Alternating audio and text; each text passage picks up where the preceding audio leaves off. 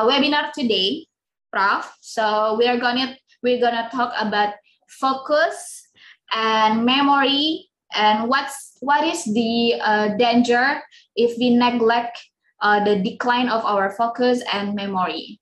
Mm-hmm. So shall we start, Prof? Oke, ayo. Ayo, Prof. Oke. So Bapak Ibu uh, izinkan saya untuk iz- uh, share screen terlebih dahulu untuk kita lihat materi dari Profesor Eji. Sudah muncul ya, Pak Jafar?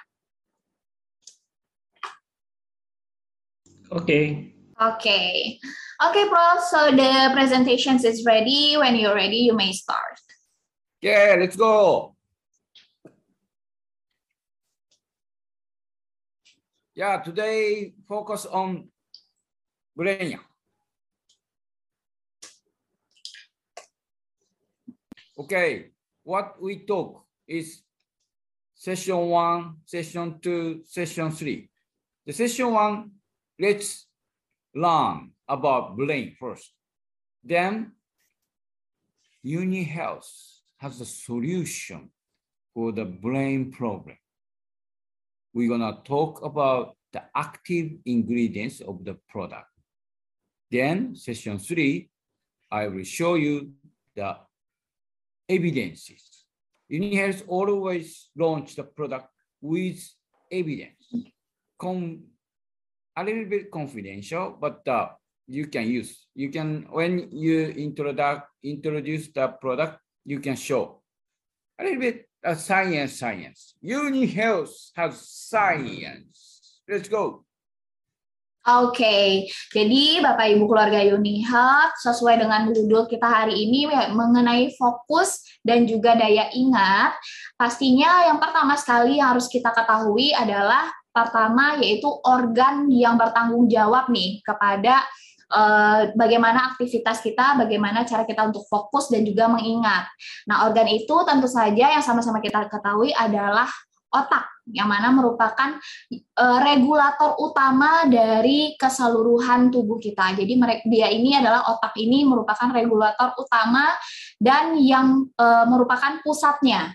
Kita akan tahu dulu bagaimana otak kita secara normal otak itu berfungsinya bagaimana dan apa saja sih penyakit-penyakit yang berkaitan dengan menurunnya fungsi atau kinerja dari otak. Lalu yang kedua, kita masuk lagi ke dalam salah satu kandungan atau komponen yang memang ini adalah terdapat di dalam produk UniHealth yang kita khususkan untuk meningkatkan kinerja otak dan juga syaraf, yaitu fosfatidilserin.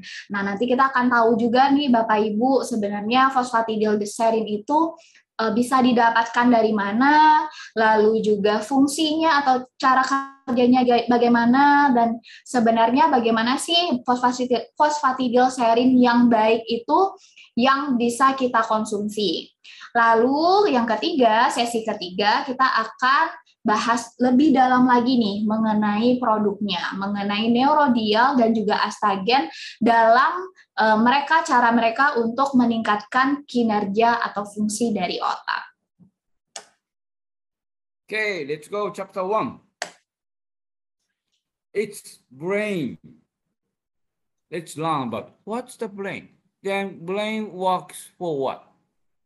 You can see the brain. That's so-called ner central nervous system, the core for that system. Brain order everything. Hey, hand, raise a hand, raise a hand. That's like let's run, walk, something. Let's study.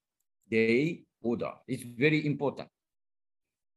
Containing 100 billion nerves, neurons. It's 370 times the population of Indonesia.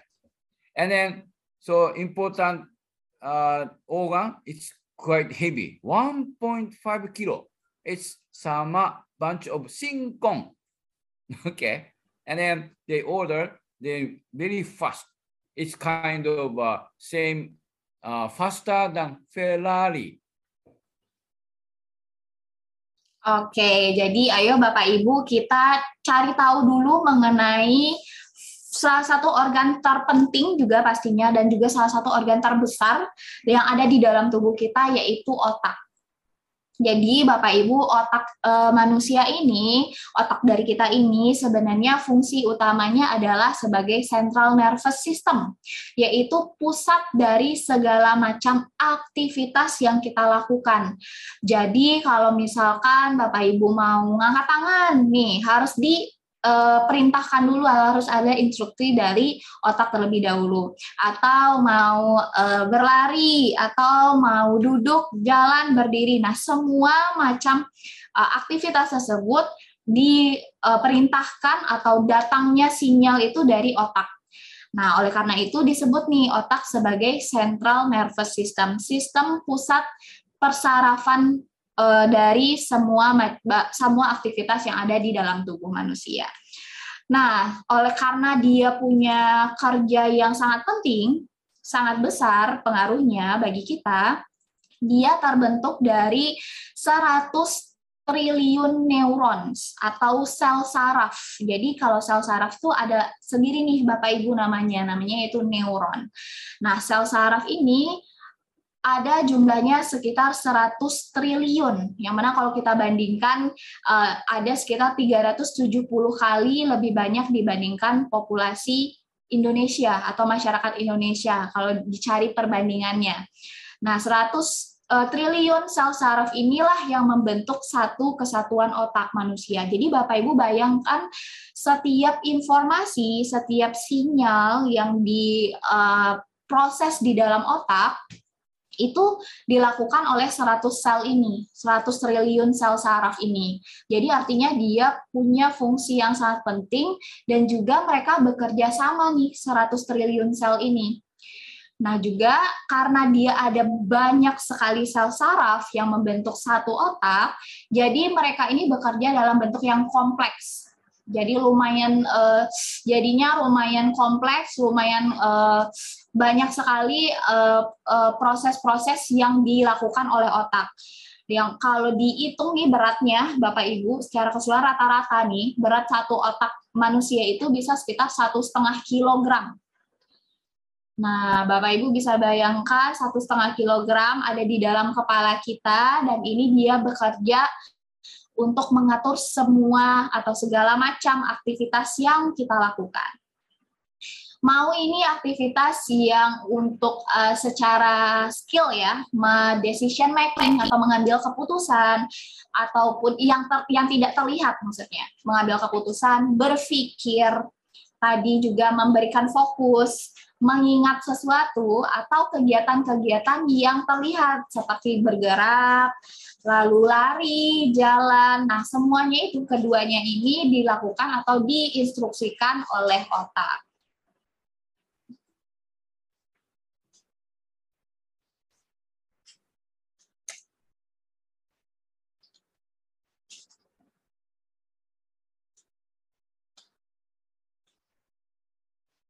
Okay, what factors affect brain function? You can see those.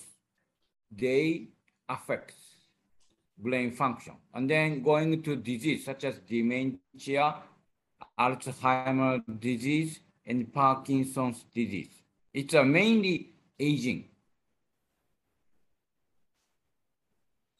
Nah, lalu apa saja nih eh, faktor-faktor yang mempengaruhi dari kinerja otak kita tadi? Yang mana harusnya 100 sel saraf dari otak itu bekerja secara normal. Jadi kalau dia bisa normal, artinya aktivitas yang kita lakukan juga bisa normal. Nah, tapi Bapak Ibu ada nih beberapa faktor yang ternyata uh, kita lakukan juga sehari-hari, baik kita secara sadar ataupun nggak sadar, ini bisa mempengaruhi dari kesehatan otak kita. Pertama, yang paling utama sekali itu adalah hipoksia.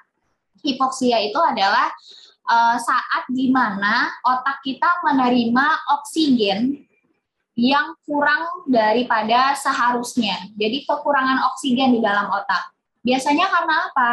Biasanya karena pertama memang uh, asupan oksigen yang diterima kurang. Biasanya orang-orang yang sesak nafas, orang-orang yang berada di uh, ketinggian yang lumayan tinggi, jadi kadar oksigennya menurun, atau orang-orang yang kelelahan.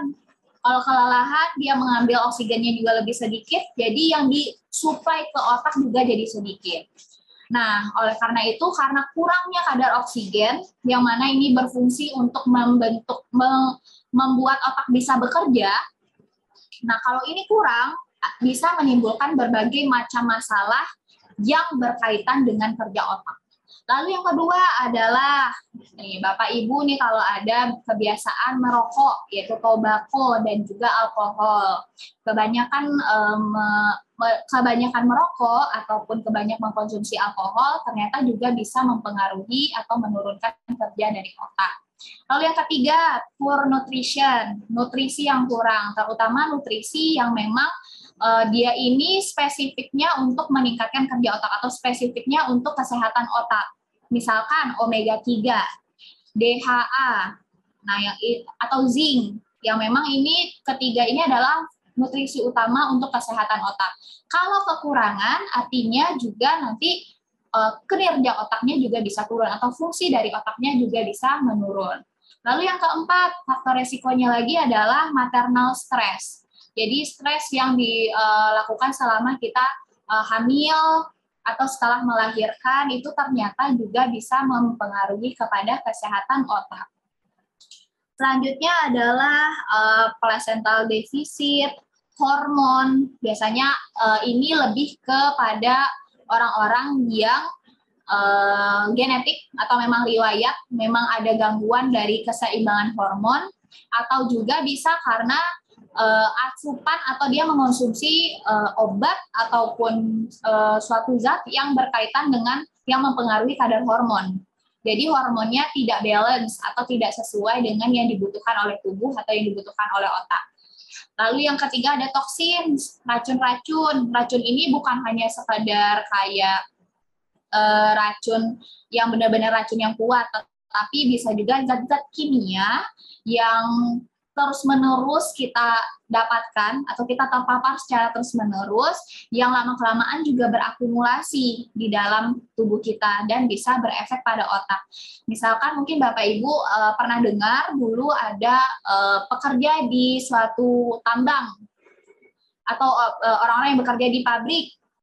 Nah, yang mereka ini adalah orang-orang yang sangat berisiko untuk terpapar zat-zat kimia Nah, lama-kelamaan nih, lama-kelamaan dia bisa berakumulasi dan juga akhirnya bisa mengganggu otak.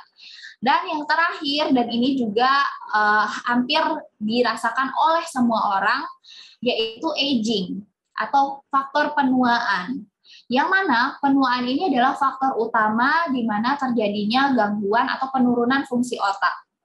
Kalau gangguannya Uh, biasanya nih tahapannya mulai dari dewasa dulu nih Bapak Ibu 20 sampai 30 atau sampai 35.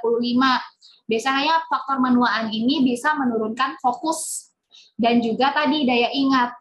Jadi mungkin yang sudah masuk nih Bapak Ibu semua atau teman-teman yang udah masuk daya usia 20 sampai 35 tahun, mungkin beberapa kali pernah merasakan tiba-tiba lupa ingin uh, mengatakan sesuatu atau ada kenalan nih kok kayaknya dulu tuh kenal tapi siapa ya namanya? Nah itu kadang-kadang suka lupa. Tapi frekuensinya sudah lebih sering. Bukan hanya kayak satu kali dalam uh, dalam beberapa bulan enggak. Tapi sudah lumayan sering nih frekuensi kok agak sering lupa. Nah itu adalah salah satu pertanda. Nah kalau sudah naik lagi usianya biasanya dari atas 40 tahun ke atas itu akan lebih terasa lagi perbedaannya atau penurunan fungsi dari otaknya. Nah, kalau ini dibiarkan saja terus-menerus, diwajarkan atau dimaklumi nih Bapak Ibu, ah ya udahlah lupa juga namanya manusia gitu ya. Wajarlah lupa gitu. Nah, tapi kalau pertama frekuensinya udah terlalu sering dan juga sudah lumayan lama nih dirasakan, tapi dibiarkan saja, ini bisa berujung pada gangguan atau penyakit yang lebih fatal lagi.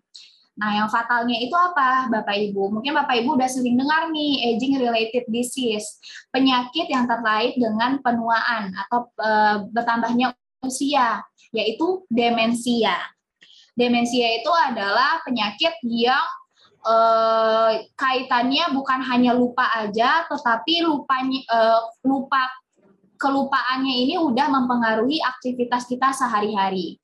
Nah, demensia ini biasanya disebut juga untuk penyakitnya itu ada demensia Alzheimer, ada demensia Parkinson, dan beberapa penyakit lainnya. Okay, so let's talk about uh, disease, age-related uh, brain, uh, causal to brain dysfunction. The first one is dementia. It's uh, resulting in memory loss, right? And then second one, Alzheimer's disease. So you can see that normal brain and Alzheimer's disease. The red area is quite narrow or small. It means brain cell, uh, the loss of neurons in the brain. And the third one is third one is Parkinson's disease.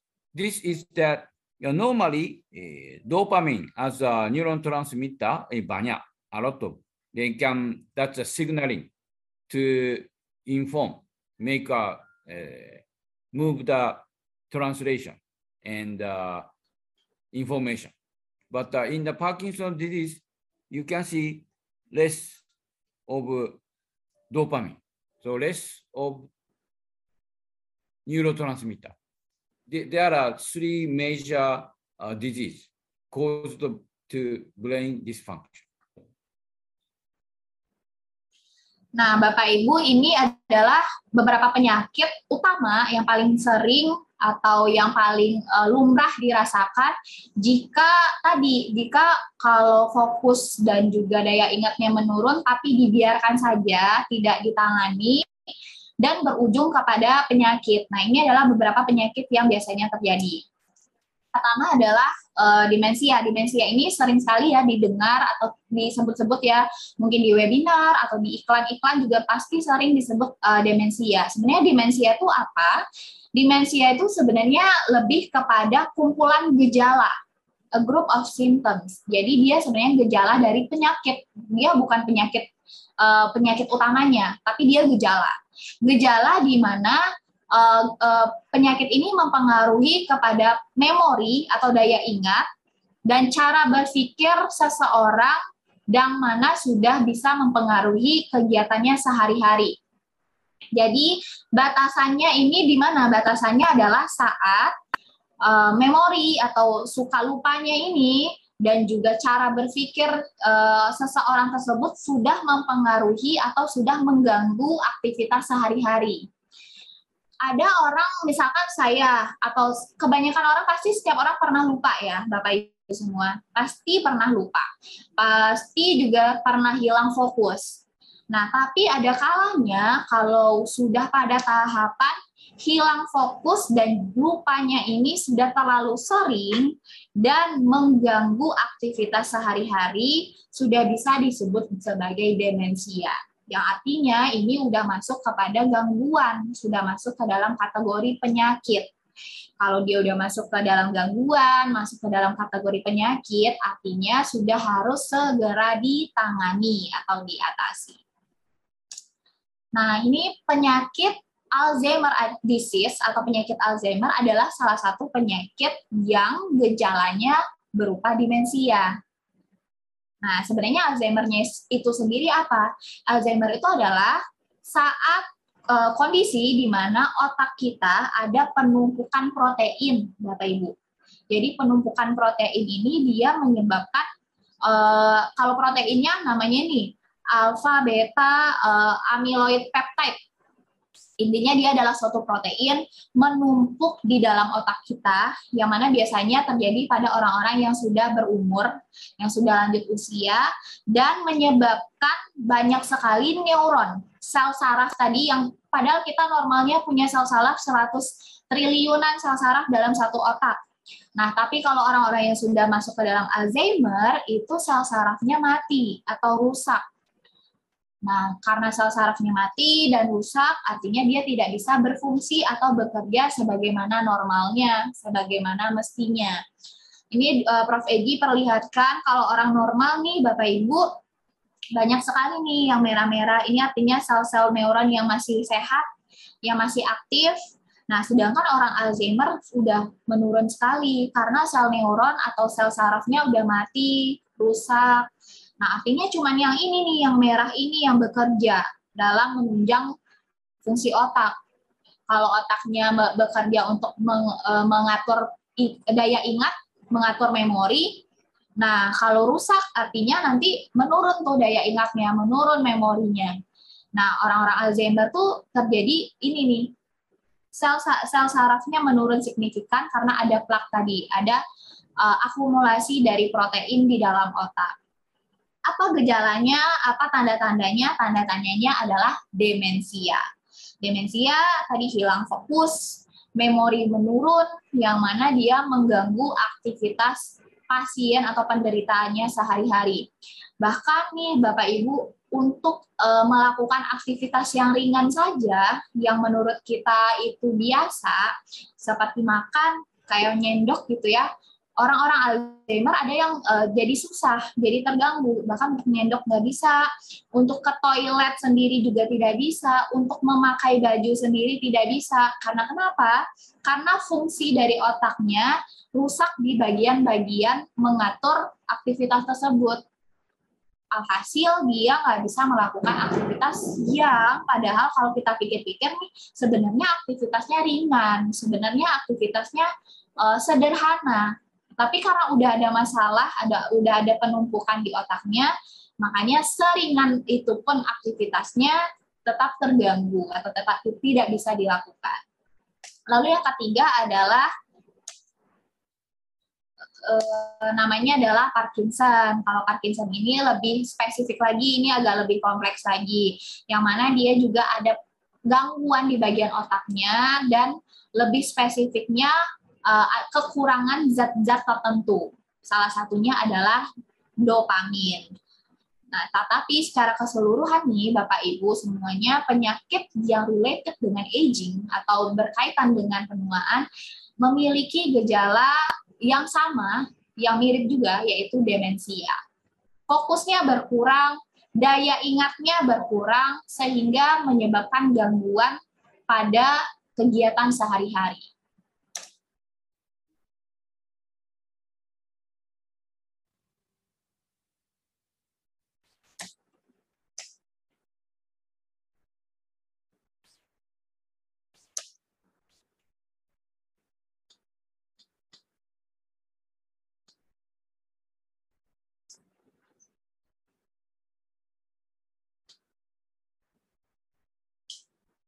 Okay, Does this slide shows symptom of aging-related diseases. So it's cognitive dysfunction related to attention, sensation, and perception, comprehension, and memory. Nah, tadi apa aja sih eh, gejala-gejala uh, demensia tersebut atau gejala-gejala yang berkaitan dengan penyakit penuaan ya Bapak Ibu semua yang mana tadi balik lagi ya saya tekankan lagi dia ini related dengan fokus dan juga daya ingat yang menurun.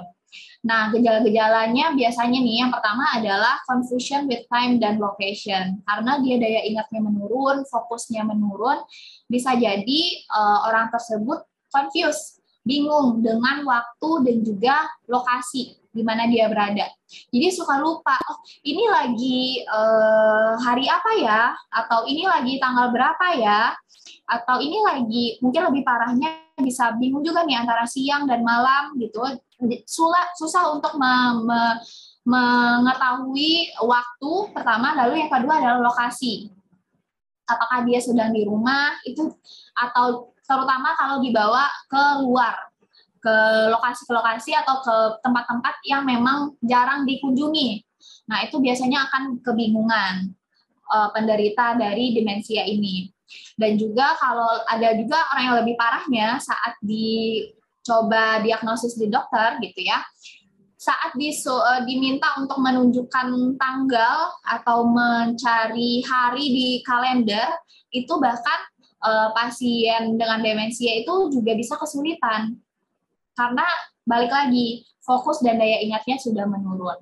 Lalu yang kedua adalah difficulty completing familiar task. Tadi yang sudah kita sampaikan bahwa untuk kegiatan-kegiatan atau aktivitas yang sebenarnya sederhana, yang sebelumnya kita anggap itu biasa saja, penderita demensia bisa sangat kesulitan atau kesusahan untuk melakukan aktivitas tersebut.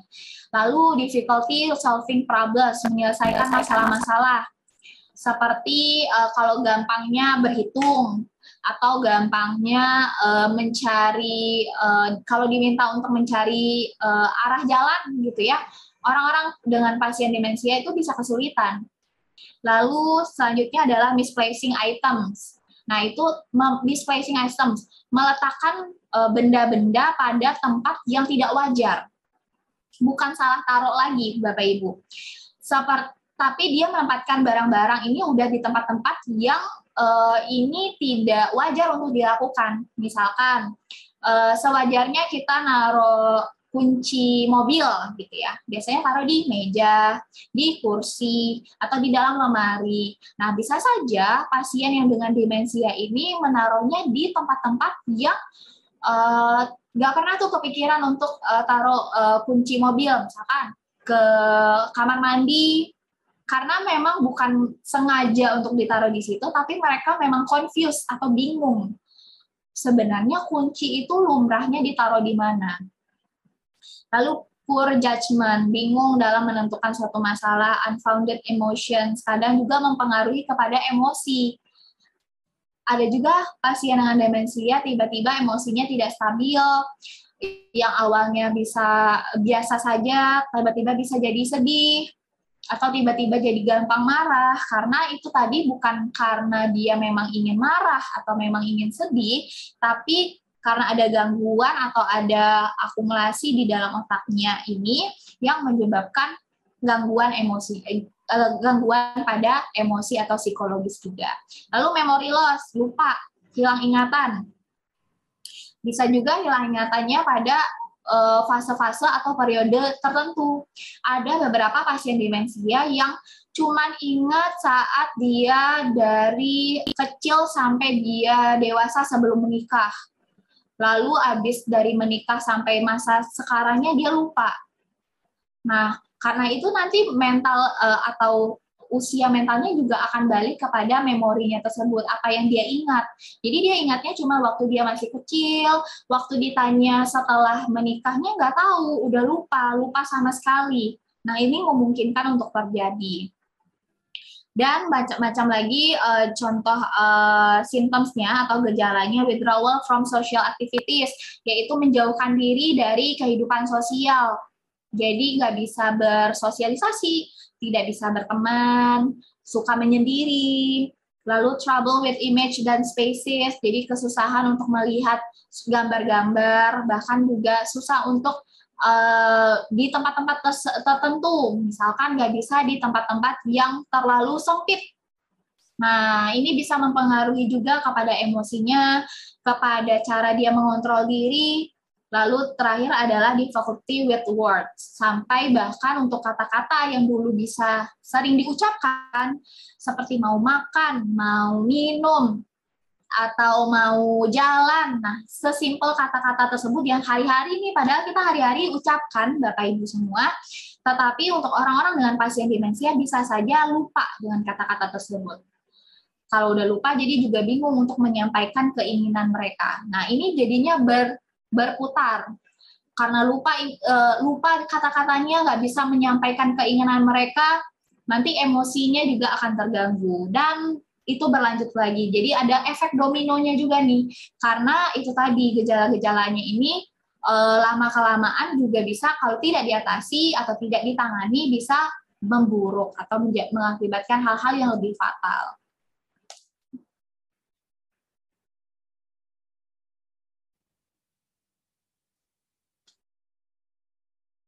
Okay, chapter two. Yes, Uni Health has a solution against brain dysfunction. The name is Neurodial, containing soybean extracted PS, PS, phosphatidylserine. It's your brain nutrition.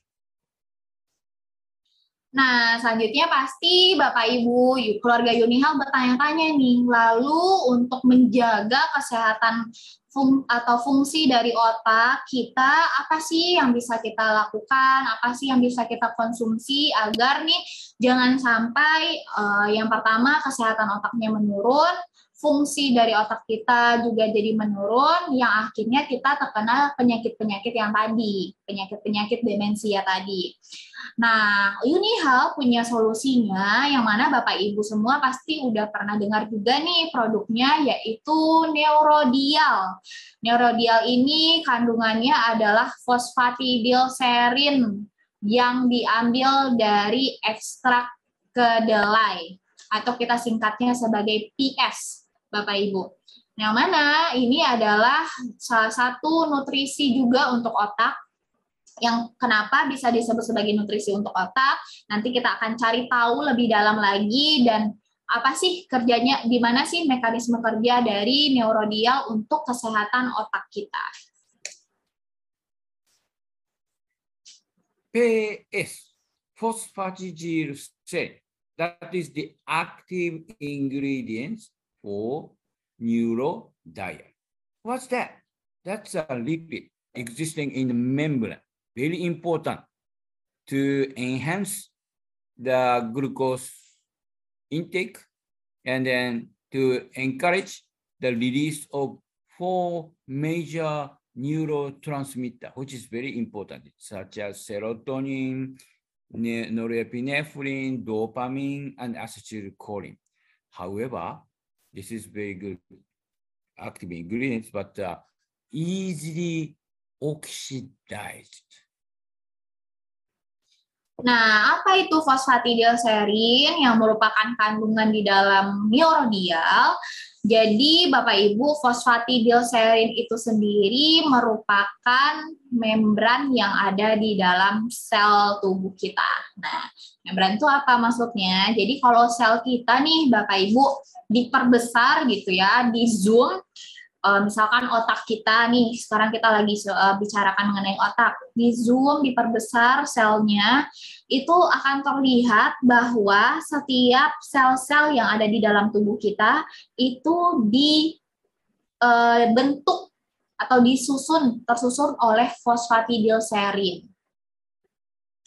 Nah, karena dia disusun oleh fosfatidilserin, artinya kalau ada yang rusak nih Bapak Ibu dari sel otak gitu ya, artinya fosfatidilserinnya ini juga mengalami kerusakan. Nah, gimana caranya supaya fungsi otaknya kembali baik, otaknya kembali sehat? Artinya harus digantikan.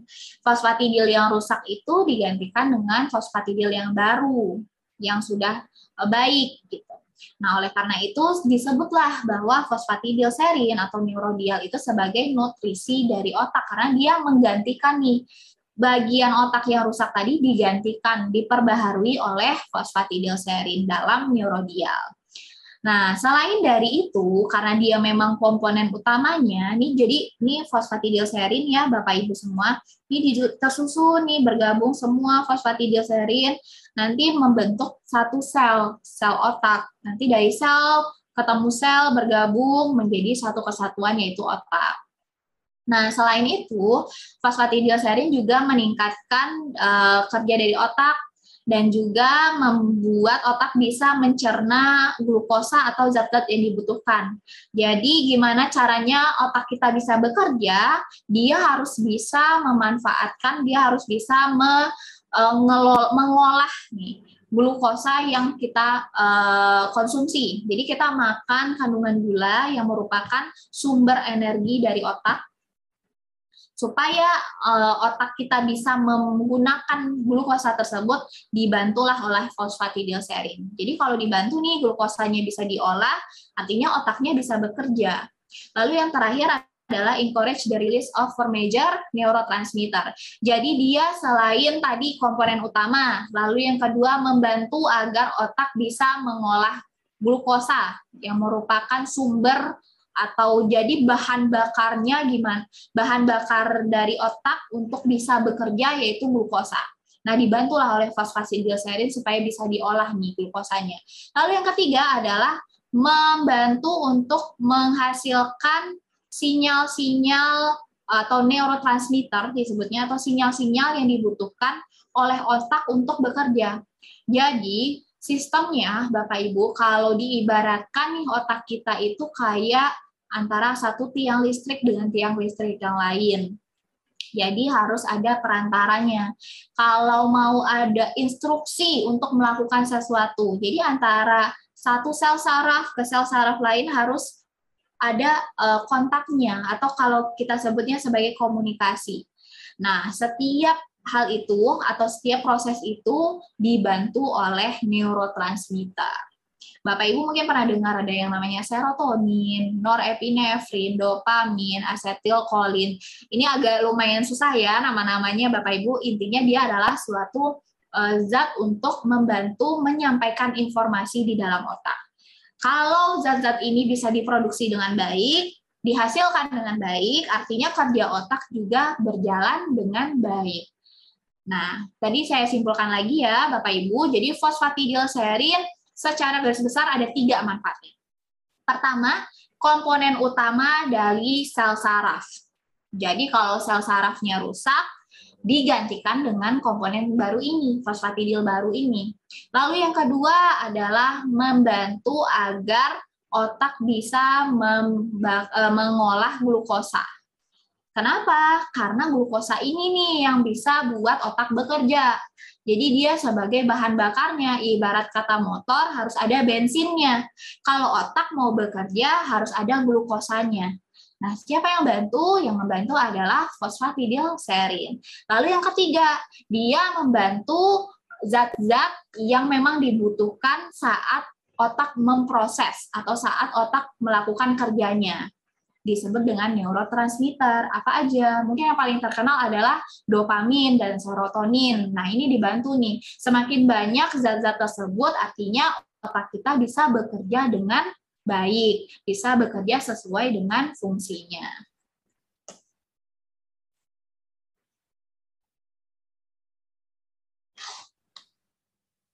So we have phosphatidylserine in our brain, but uh, we should consume from where? It's PS in nature. Originally, we use in the market phosphatidylserine selling from cow brain. It's animal. It's dangerous for mad cow disease. So others, adaragi, cabbage, ah, I just could chill. So Uni Health decided to use PS phosphatidylserine for neurodial from soy. Soy, it's plant and safe, abundant in a soy lecithin. This is number one source, purest source, or OPS, Uni Health. Oke, selanjutnya adalah dari mana nih sumber fosfatidilserin yang bagus, yang paling baik uh, untuk dikonsumsi atau untuk digunakan. Nah, sebenarnya Bapak Ibu lum, uh, paling banyak di pasaran atau yang udah ada itu biasanya fosfatidilserin diambil dari otak sapi karena uh, dari penelitian di awal-awal dulu penelitiannya bahwa otak sapi itu punya kandungan uh, fosfatidilserinnya tinggi. Nah, selain, makanya di, banyak nih yang memanfaatkan otak sapi, diambil fosfatidilserinnya, dijadikan untuk uh, suplemen otak. Nah, ternyata setelah berkembangnya teknologi, berkembangnya penelitian, didapatkan nih ternyata oke okay, fosfatidilserinnya memang banyak, tapi ada hal yang ditakutkan, yaitu disebut sebagai cow disease transferring. Jadi adanya kemungkinan eh, penyakit-penyakit yang ada di dalam uh, otak sapi tersebut bisa terbawa kepada fosfatidilserinnya. Jadi kalau dikonsumsi oleh kita, bisa juga tuh kita dapatkan penyakit tersebut yang disebut dengan penyakit sapi gila, Bapak Ibu. Jadi penyakit sapi gila itu biasanya gangguan di otak sapi yang juga biasanya disebabkan oleh adanya virus gitu ya. Nah, yang mana kalau kita ekstrak nih fosfatidilserinnya dari otak sapi bisa beresiko penyakit yang ada di otak sapi tersebut juga tertular kepada kita. Nah, ini e, dari segi keamanannya kurang baik untuk dikonsumsi. Nah, ternyata ada nih Bapak Ibu yang punya kandungan uh, fosfatidilserinnya tinggi, tetapi nggak ada efek tersebut, nggak ada efek uh, penularan penyakit dari atau salah satunya adalah penyakit sapi gila yaitu yang bersumberkan dari ekstrak kacang kedelai. Ternyata kalau kacang kedelai punya kandungan fosfatidilserinnya 5.900 mg per 100 gram. Ini sangat banyak sekali dibandingkan nih dengan yang banyak di pasaran karena bilangnya kalau dari otak sapi fosfatidilserinnya tinggi, fosfatidilserinnya banyak langsung aja nih dibandingkan fosfatidilserin dari uh, otak sapi itu cuma punya uh, kandungannya yaitu 713 jadi bisa kita lihat ya, ada datanya, ada saintifiknya bahwa yang bersumberkan dari uh, ekstrak kacang kedelai jauh lebih banyak, jauh lebih tinggi. Nah dari segi keamanannya, uh, ada nggak transfer uh, penyakit? yang nggak ada karena dia diambil dari ekstrak tanaman atau tumbuh-tumbuhan dari ekstrak kacang kedelai. Jadi aman dari uh, penularan penyakit.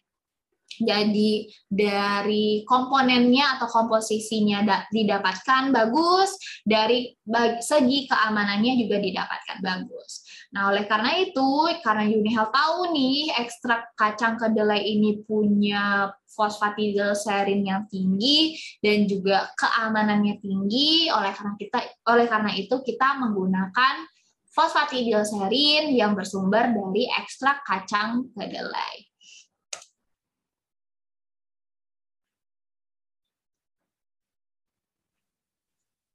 Okay. And brain, neural, and neurotransmitter. This is the information stream. So especially neurotransmitter is ma major trans neurotransmitter are serotonin, norepinephrine, dopamine, and acetylcholine.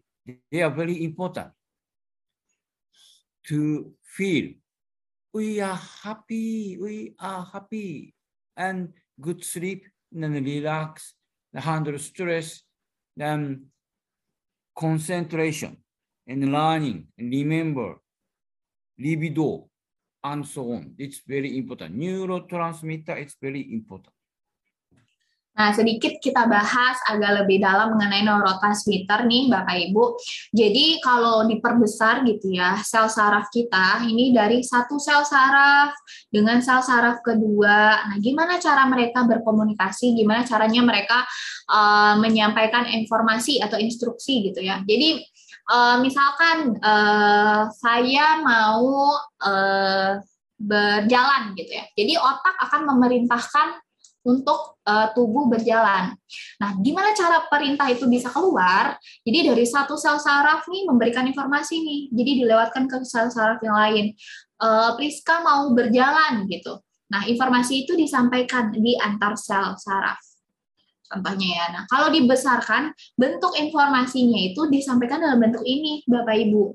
Dalam bentuk sinyal-sinyal. Nah, sinyal ini bahasa kerennya, bahasa susahnya adalah neurotransmitter.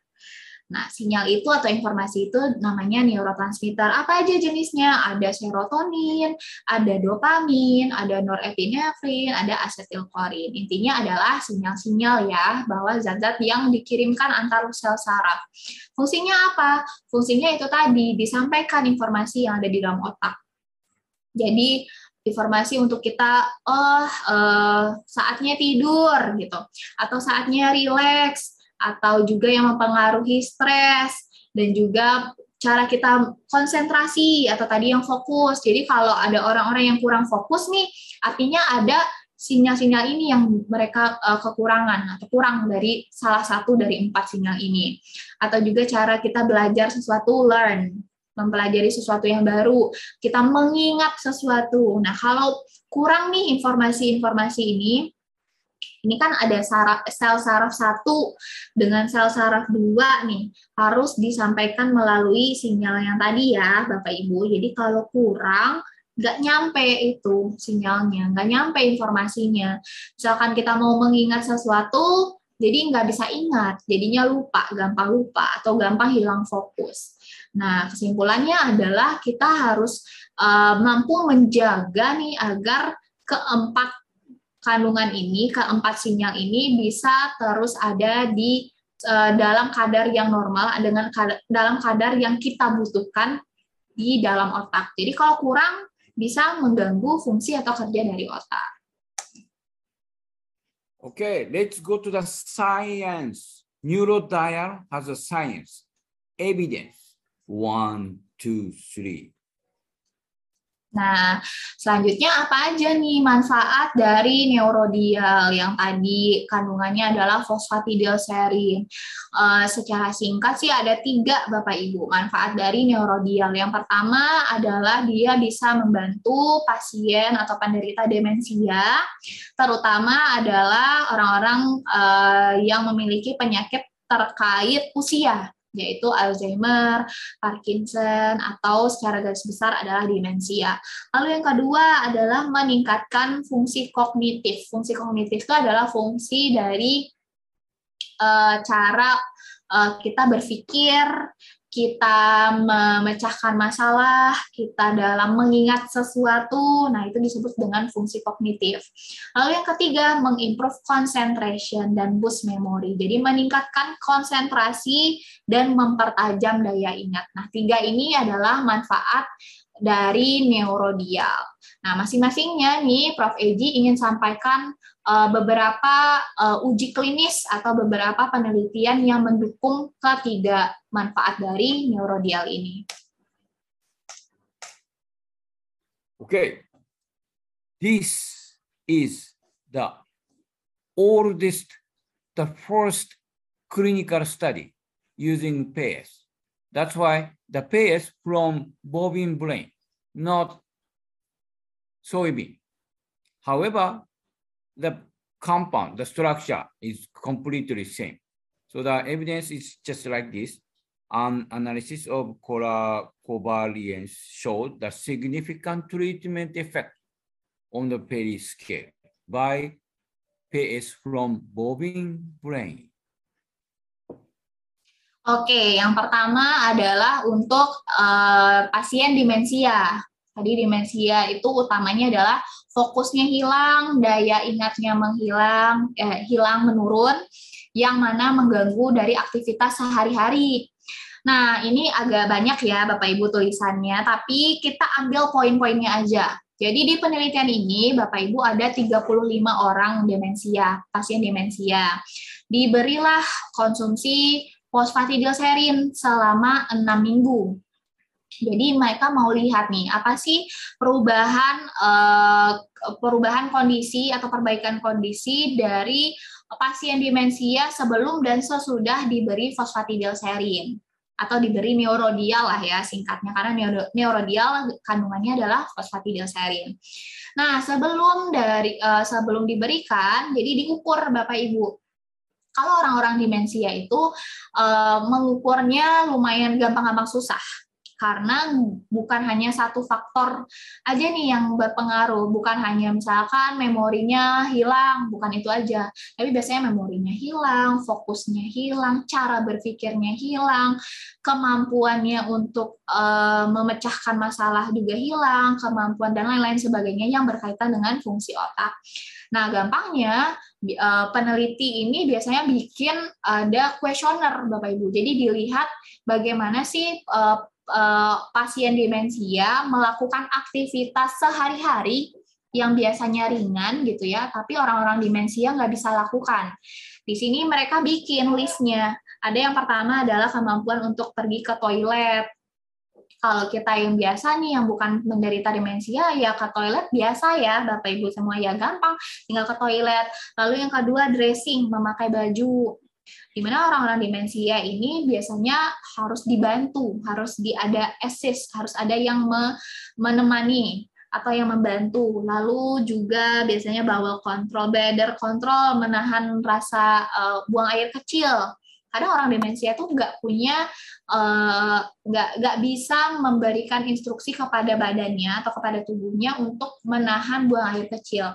Alhasil, jadi kalau setiap udah uh, ingin buang air kecil ya udah loss aja. Jadi buang air kecil di tempat gitu. Belum sempat ke toilet tapi udah buang air kecil. Nah itu salah satu beberapa aktivitas yang sebenarnya kalau dari kita biasa nih lihatnya oh ini aktivitasnya ringan atau sederhana. Tetapi orang-orang yang sudah masuk ke tahap atau kategori demensia ini susah untuk melakukan Nah, dilihat Bapak Ibu, sebelum dan sesudah diberikan fosfatidilserin. Jadi dibandingkan, ini adalah grup orang-orang yang tidak mendapatkan fosfatidilserin, yang ini adalah yang mendapatkan fosfatidilserin. Nah, ini kalau ke atas itu artinya terdapat improvement atau perbaikan.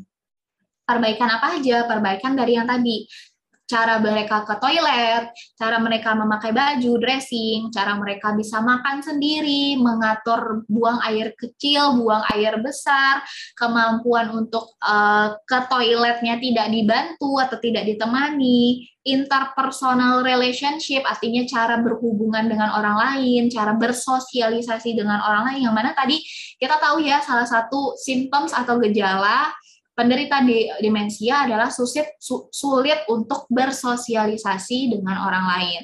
Nah, secara kesimpulannya terdapat bahwa yang enggak mendapatkan fos, uh, fosfatidilserin itu uh, terjadi pemburukan atau semakin buruk nih. Tadi ke toiletnya juga susah, uh, untuk pakai baju sendiri juga tidak bisa feeding atau makan harus dibantu. Nah, ini lebih banyak ke bawah nih, artinya adanya pemburukan.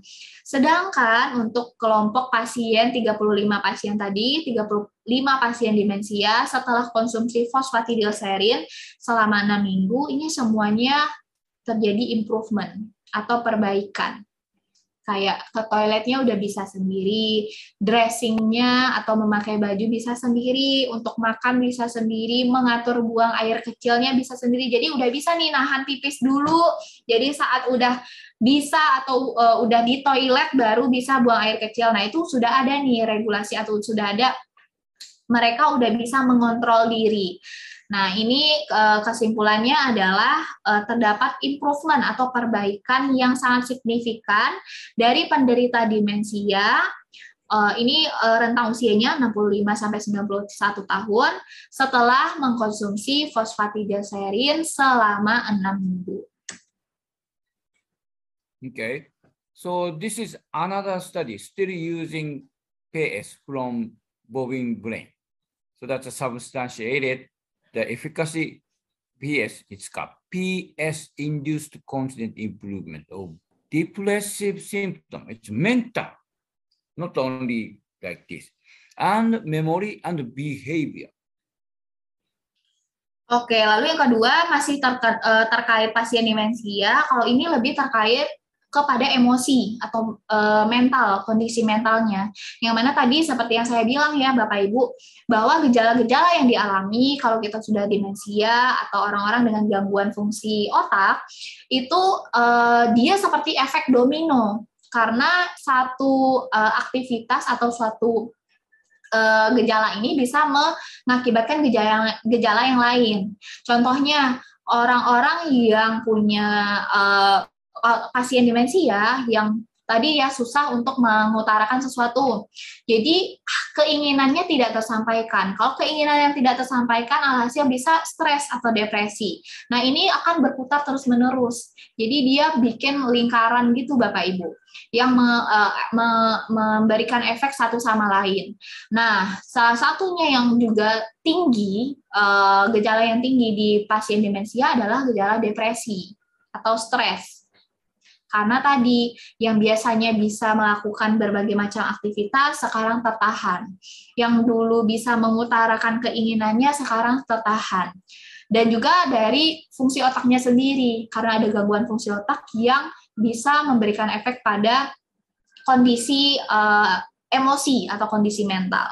Nah, di sini uh, dilihat nih Bapak Ibu uh, ujinya juga uji klinis pada penderita demensia juga sebanyak 10 orang. Ini dilihat bagaimana kondisi dari depresi uh, dan juga cara mereka uh, berpikir, learning, cara belajar dan juga belajar hal-hal yang baru dan juga memori, daya ingat. Nah, ternyata setelah diberikan fosfatidilserin selama 30 hari, yaitu kurang lebih sebulan ya, ternyata didapatkan bahwa semua eh, gejala-gejala uh, tersebut bisa meng, bisa uh, mengalami perbaikan atau improvement baik dari mental decline atau gangguan mentalnya maksudnya dari depresi atau emosi dan juga memori dan behavior tingkah laku sehari-harinya terlihat peningkatan atau perbaikan yang sangat signifikan setelah konsumsi fosfatidilserin uh, selama 30 hari. Okay, this is the first clinical study using soybean extracted PS phosphatidylserine. setting. The efficacy of that is completely the same as the, the PS from cow brain. So the efficacy is no problem. Safety is much better than cow brain because of mad cow disease. PS supplementation significantly increased the cognitive parameters. Any side effect caused by soybean PS treatment was not observed. Oke, okay. selanjutnya masih untuk pasien demensia, ini ada penelitian lagi Bapak Ibu yang lebih kepada uh, memori, dilihat bagaimana daya ingatnya, kemampuan daya ingat setelah konsumsi selama 12 minggu fosfatidilserin dari ekstrak kacang kedelai. Nah, ternyata terlihat ke uh, penaikan atau perbaikan yang signifikan. Jadi dari 26 orang ini, uh, 26 orang pasien demensia, ternyata memorinya meningkat dengan signifikan. Nah, kalau ada juga nih biasanya yang dibandingkan, uh, kan kalau lebih banyaknya itu dari bovin, dari otak sapi. Nah, di sini juga disampaikan bahwa ternyata kalau da, uh, da, fosfatidilserin dari kacang kedelai itu punya safety atau keamanannya yang jauh lebih baik. Jadi efeknya bisa didapatkan dengan optimal dan keamanannya juga didapatkan dengan optimal.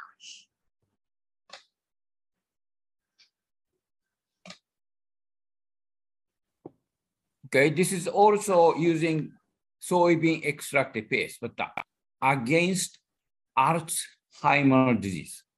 Short-term supplementation with PS in patients with Alzheimer's disease showed the stabilizing effect, stabilizing effect on daily functioning, emotional state, and then self-reported general condition. Nah, selanjutnya adalah penelitian yang khusus nih, spesifik untuk penyakit Alzheimer.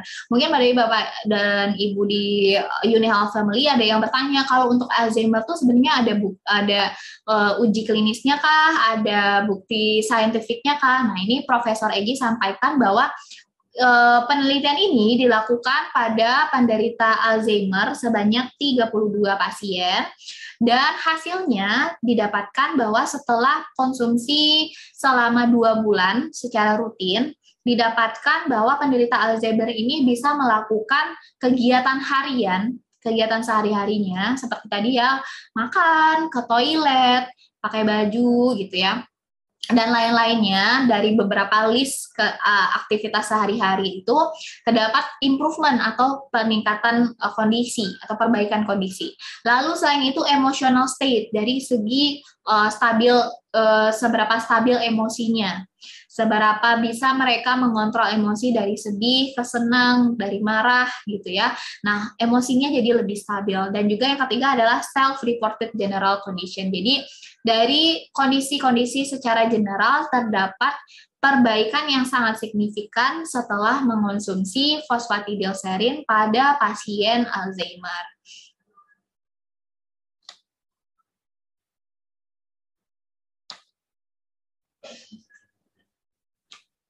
To improve cognitive function. This study shows why PS improve the cognitive function against brain dysfunction. Why, uh, how does PS improve cognitive function? It's in this study, PS improved memory by enhancing antioxidant activities and inhibiting acetylcholine decline by choline esterase. Acetylcholine is one of the most important neurotransmitter. Nah, selanjutnya kalau ini nih Bapak Ibu, tadi kita berbicara lebih kepada pasien demensia, Alzheimer gitu ya yang uh, related atau uh, erat kaitannya dengan orang-orang yang sudah lanjut usia. Kalau ini yang selanjutnya adalah uh, fungsi dari neurodial untuk meningkatkan fungsi otak secara general, meningkatkan daya ingat, meningkatkan kemampuan untuk uh, uh, me, me, untuk fokus gitu ya, konsentrasi. Nah, di sini terlihat bahwa setelah konsumsi fosfatidilserin terlihat improvement dari memori atau daya ingat karena uh, fosfatidilserin itu kerjanya juga salah satunya sebagai antioksidan dan men, uh, menghambat dari kerusakan sinyal-sinyal atau zat-zat yang tadi kalau Bapak Ibu masih ingat tadi kita ada sebut neurotransmitter istilahnya dia itu sinyal yang menjadi komunikasi antara sel-sel saraf kita. Sel-sel saraf tadi harus komunikasi ya untuk mengerjakan untuk bekerja, untuk berproses gitu ya. Nah, salah satunya adalah asetilkolin. Tadi ada dopamin, asetilkolin, serotonin. Nah, eh, fosfatidilserin ini berfungsi supaya agar uh, ini semua sinyal-sinyal tersebut tidak rusak atau tidak berkurang dari otak kita. Nah, oleh karena itu karena dia bisa mampu menjaga dari uh, kesehatan sinyal-sinyal otak kita dan juga bertindak sebagai antioksidan, uh, hasil dia bisa meningkatkan memori atau mempertajam daya ingat.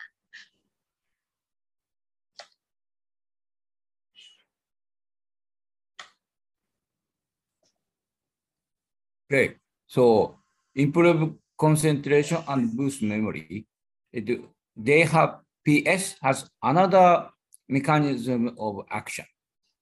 That is PS improve that glucose metabolism. You know, uh, so utilize glucose in the brain more Nah, selanjutnya juga masih untuk uh, manfaat dari uh, neurodial atau fosfatidilserin dalam meningkatkan konsentrasi. Ini buat uh, Bapak Ibu di rumah atau saya sendiri yang suka gagal fokus ya, salfok atau suka tiba-tiba lupa gitu. Nah, ini uh, salah satu penelitiannya untuk memperlihatkan bahwa fosfatidilserin ini bisa membantu otak untuk uh, mengolah yang namanya glukosa Tadi kalau Bapak Ibu ingat ya, ibarat motor perlu bensin nih untuk bahan bakarnya supaya bisa nyala gitu ya. Kalau otak butuh glukosa sebagai bahan bakarnya supaya bisa bekerja, supaya bisa berfungsi. Nah, fosfatidilserin inilah yang membantu gimana caranya otak bisa menyerap atau bisa mengolah glukosa itu tadi.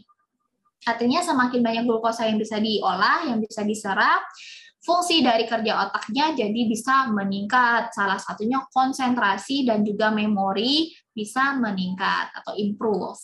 Nah, ini contohnya nih Bapak Ibu dari hasil penelitiannya sebelumnya orang-orang yang punya ini uh, uh, dari penderita Alzheimer nih karena dia punya sel sarafnya lumayan banyak yang rusak dan juga pemanfaatan glukosanya tadi ya bahan bakar otak kita uh, jadi berkurang nih, jadi merah-merahnya tuh dikit banget nih Bapak Ibu semua. Nah, setelah mendapatkan fosfatidilseri ini merah-merahnya muncul banyak, artinya bisa banyak nih, banyak sekali memanfaatkan glukosa di dalam otak. Artinya otak bisa bekerja lebih baik lagi atau terdapat perbaikan dari fungsi otak, terutama di konsentrasi dan juga daya ingat. Oke. Okay. Wow, astagen. Hey, why? With the solution against brain dysfunction, neurodial. Astagen is what? Yes, the best as antioxidant ever. Oke, tadi sudah banyak sekali nih Bapak Ibu kita perlihatkan atau kita bahas mengenai manfaat dari neurodial untuk fungsi atau kesehatan otak ya, tadi ada dimensia untuk meningkatkan memori, meningkatkan konsentrasi atau fokus, meningkatkan uh, fungsi kerja otak secara general. Nah, lanjut lagi, ini adalah kombinasinya temennya Bapak Ibu, astagen 12.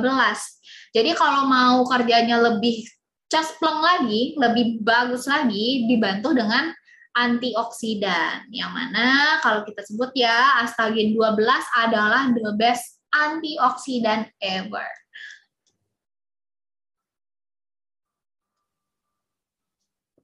Astagen contain astaxanthin as an active ingredient that from natural algae in nature, so-called Hematococcus pluvialis microalgae.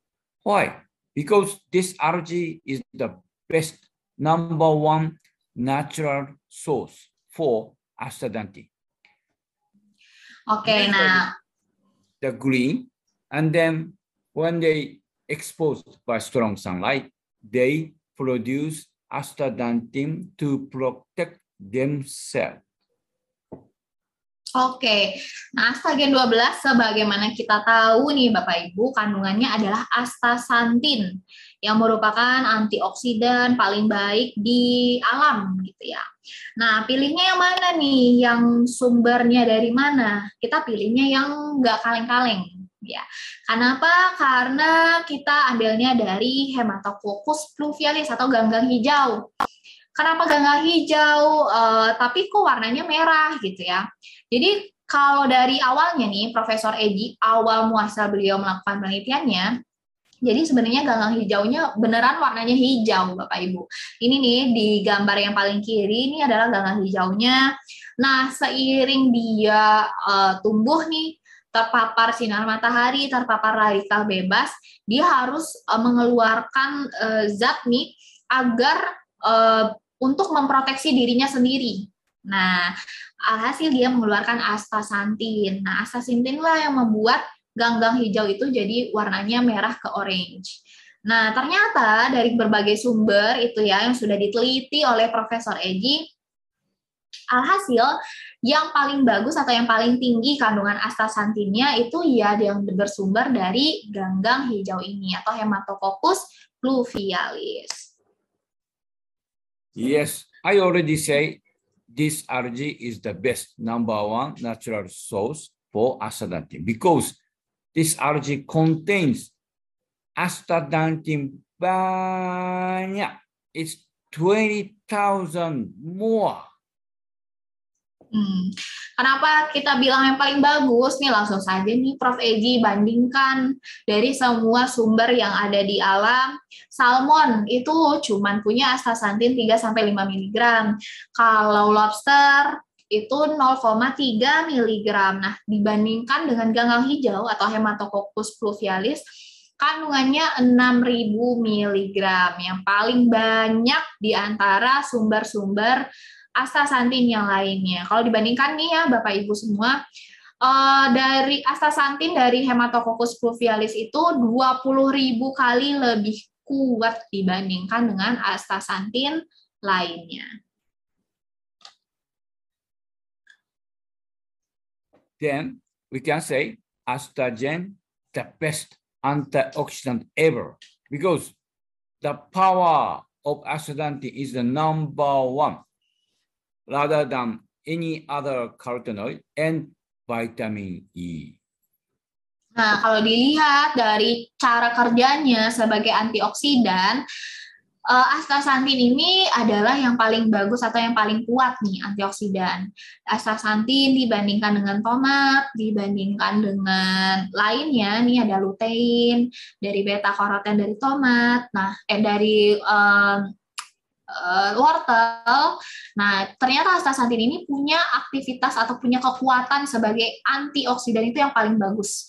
Ini dilihat ya paling besar ya Bapak Ibu semua. Nah, ini menunjukkan bahwa antioksidan yang paling bagus atau yang paling kuat itu adalah astaxanthin.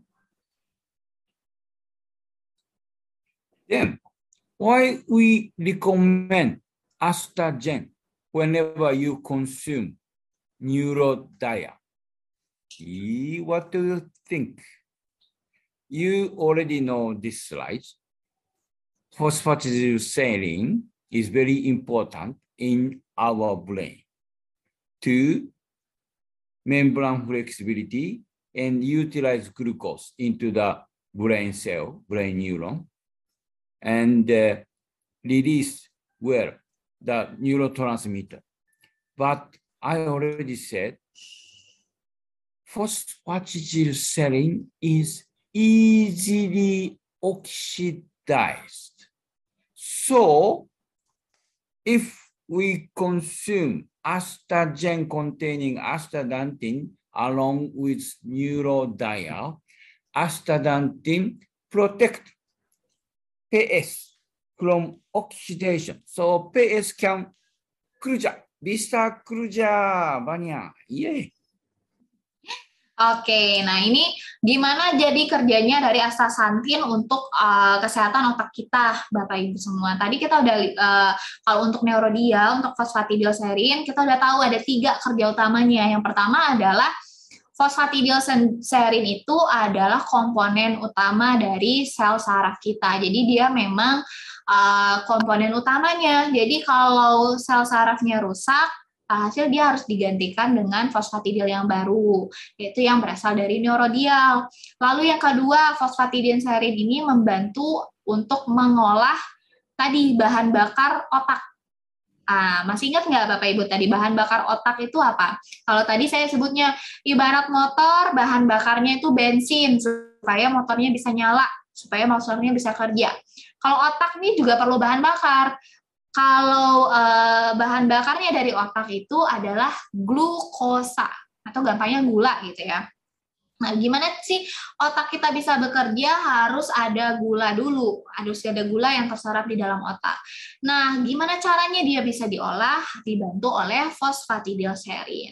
Lalu yang ketiga, dia tadi membantu untuk uh, meningkatkan kadar-kadar sinyal-sinyal yang dibutuhkan gitu ya. Ada dopamin, ada serotonin dan yang lainnya. Nah, sekarang pertanyaannya adalah astaxanthin kerjanya di mana?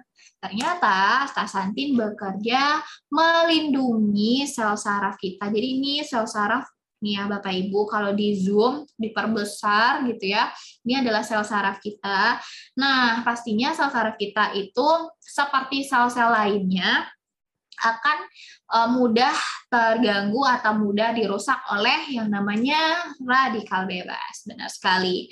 Nah, oleh karena itu astaxanthin bekerja di sini melindungi dari membran sel. Jadi dia berada di lapisan terluar sel.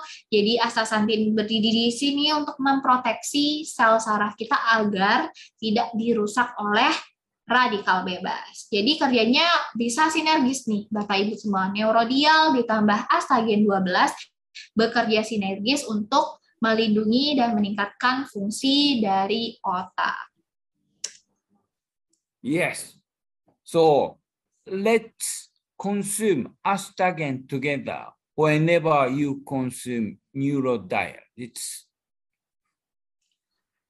Nah, jadi kalau kita udah tahu di mana kerja masing-masing neurodial dari astagen 12, jadi Bapak Ibu pasti juga udah tahu nih hasilnya atau manfaatnya yang akan dirasakan kalau dikonsumsi secara bersamaan atau dikombinasikan. Jadi efeknya akan lebih optimal lagi, lebih cespleng lagi. yes. How we can consume? It's neurodial containing phosphatidylserine as a active ingredient. It's increase brain cell membrane fluidity, enables to use glucose more efficiently, encourages the release of neurotransmitter. However, PS is easily oxidized. That's why has to be protected by the best antioxidant ever, which is astaxanthin in Astagem. Oke, nah ini sedikit kesimpulannya dari bahasan kita tadi, Bapak Ibu semua. Neurodial kandungannya fosfatidilserin 100 mg berfungsi untuk meningkatkan uh, membran sel dari sel saraf kita. Lalu kedua meningkatkan penggunaan glukosa ya, yang mana glukosa balik lagi glukosa itu bahan bakar otak kita. Jadi kalau nggak ada bahan bakarnya ya nggak bisa kerja otaknya. Nah dibantu nih sama fosfatidil, serin untuk memanfaatkan glukosa. Lalu yang ketiga adalah meningkatkan produksi dari neurotransmitter atau bahasa gampangnya sinyal yang dibutuhkan di dalam tubuh, ada dopamin, serotonin, dan lain-lainnya. Nah, selain itu, astagen 12 melengkapi. Melengkapi dengan cara apa? Dia melindungi sel saraf kita melindungi fosfatidilserin dari yang namanya uh, oksidasi atau dari yang namanya serangan radikal bebas. Jadi kerjanya bisa sinergis. Yeah. So for the patient or normal people, how many capsules has to consume? It's a elder people, it's one or three times. sehari satu kapsul. And then the patient, such as Alzheimer or Parkinson, is tiga times sekali satu kapsul. And then the child, satu or dua kali satu kapsul. Nah, siapa nih Bapak Ibu yang butuh konsumsi dari neurodial atau siapa saja? Eh, gimana sih cara konsumsinya? Yang pertama adalah memang uh, kategori uh, orang-orang dengan uh, yang punya resiko sangat tinggi untuk mendapatkan penyakit terkait gangguan fungsi otak yaitu orang-orang yang sudah di atas usia 50 tahun. Ini sebaiknya sudah mulai konsumsi neurodial 1 sampai 3 kali sehari satu kapsul. Nah, lalu yang kedua, uh, eh tadi sebelumnya walaupun mungkin belum sampai 50 tahun atau 50 tahun ke atas, tetapi mau agar fokusnya meningkat, memorinya atau daya ingatnya meningkat, dan konsentrasinya meningkat, juga bisa nih mulai konsumsi neurodial 1 sampai 3 kali sehari satu kapsul. Lalu kategori yang kedua yaitu yang sudah ada gangguan, nah yang sudah ada uh, uh, penyakit uh, di uh, gangguan fungsi otak atau menurunnya fungsi otak yaitu Alzheimer atau sudah masuk ke dalam kondisi pikun atau demensia. Nah ini kita sarankan untuk uh, bisa konsumsi neurodial tiga kali sehari satu kapsul. Lalu yang ketiga adalah ini juga bisa dikonsumsi oleh anak-anak dengan uh, gangguan atau dengan uh, kondisi ADHD atau uh, uh, kegangguan fokus dan juga hiperaktiviti atau uh, anak yang aktif hiperaktif tapi sulit berkonsentrasi yang mana jika sudah di atas usia 4 tahun bisa konsumsi neurodial 1 sampai 2 kali sehari satu kapsul. Okay, how about Astagen? It's satu kapsul containing 12 mg astaxanthin. So once in a day. Lalu untuk kombinasinya, untuk mengkomplitkan, melengkapi, bisa dikonsumsi astagen 12 ini sama sih dengan anjuran dosis kita uh, biasa, kita harian, yaitu satu kapsul sehari setelah makan. Oke. Okay. Okay, thank you, Prof. AG, for your uh, insightful presentation, Prof. We hope all our members getting more uh, knowledge, more aware about this topic, about focus, about dementia, about Alzheimer and others.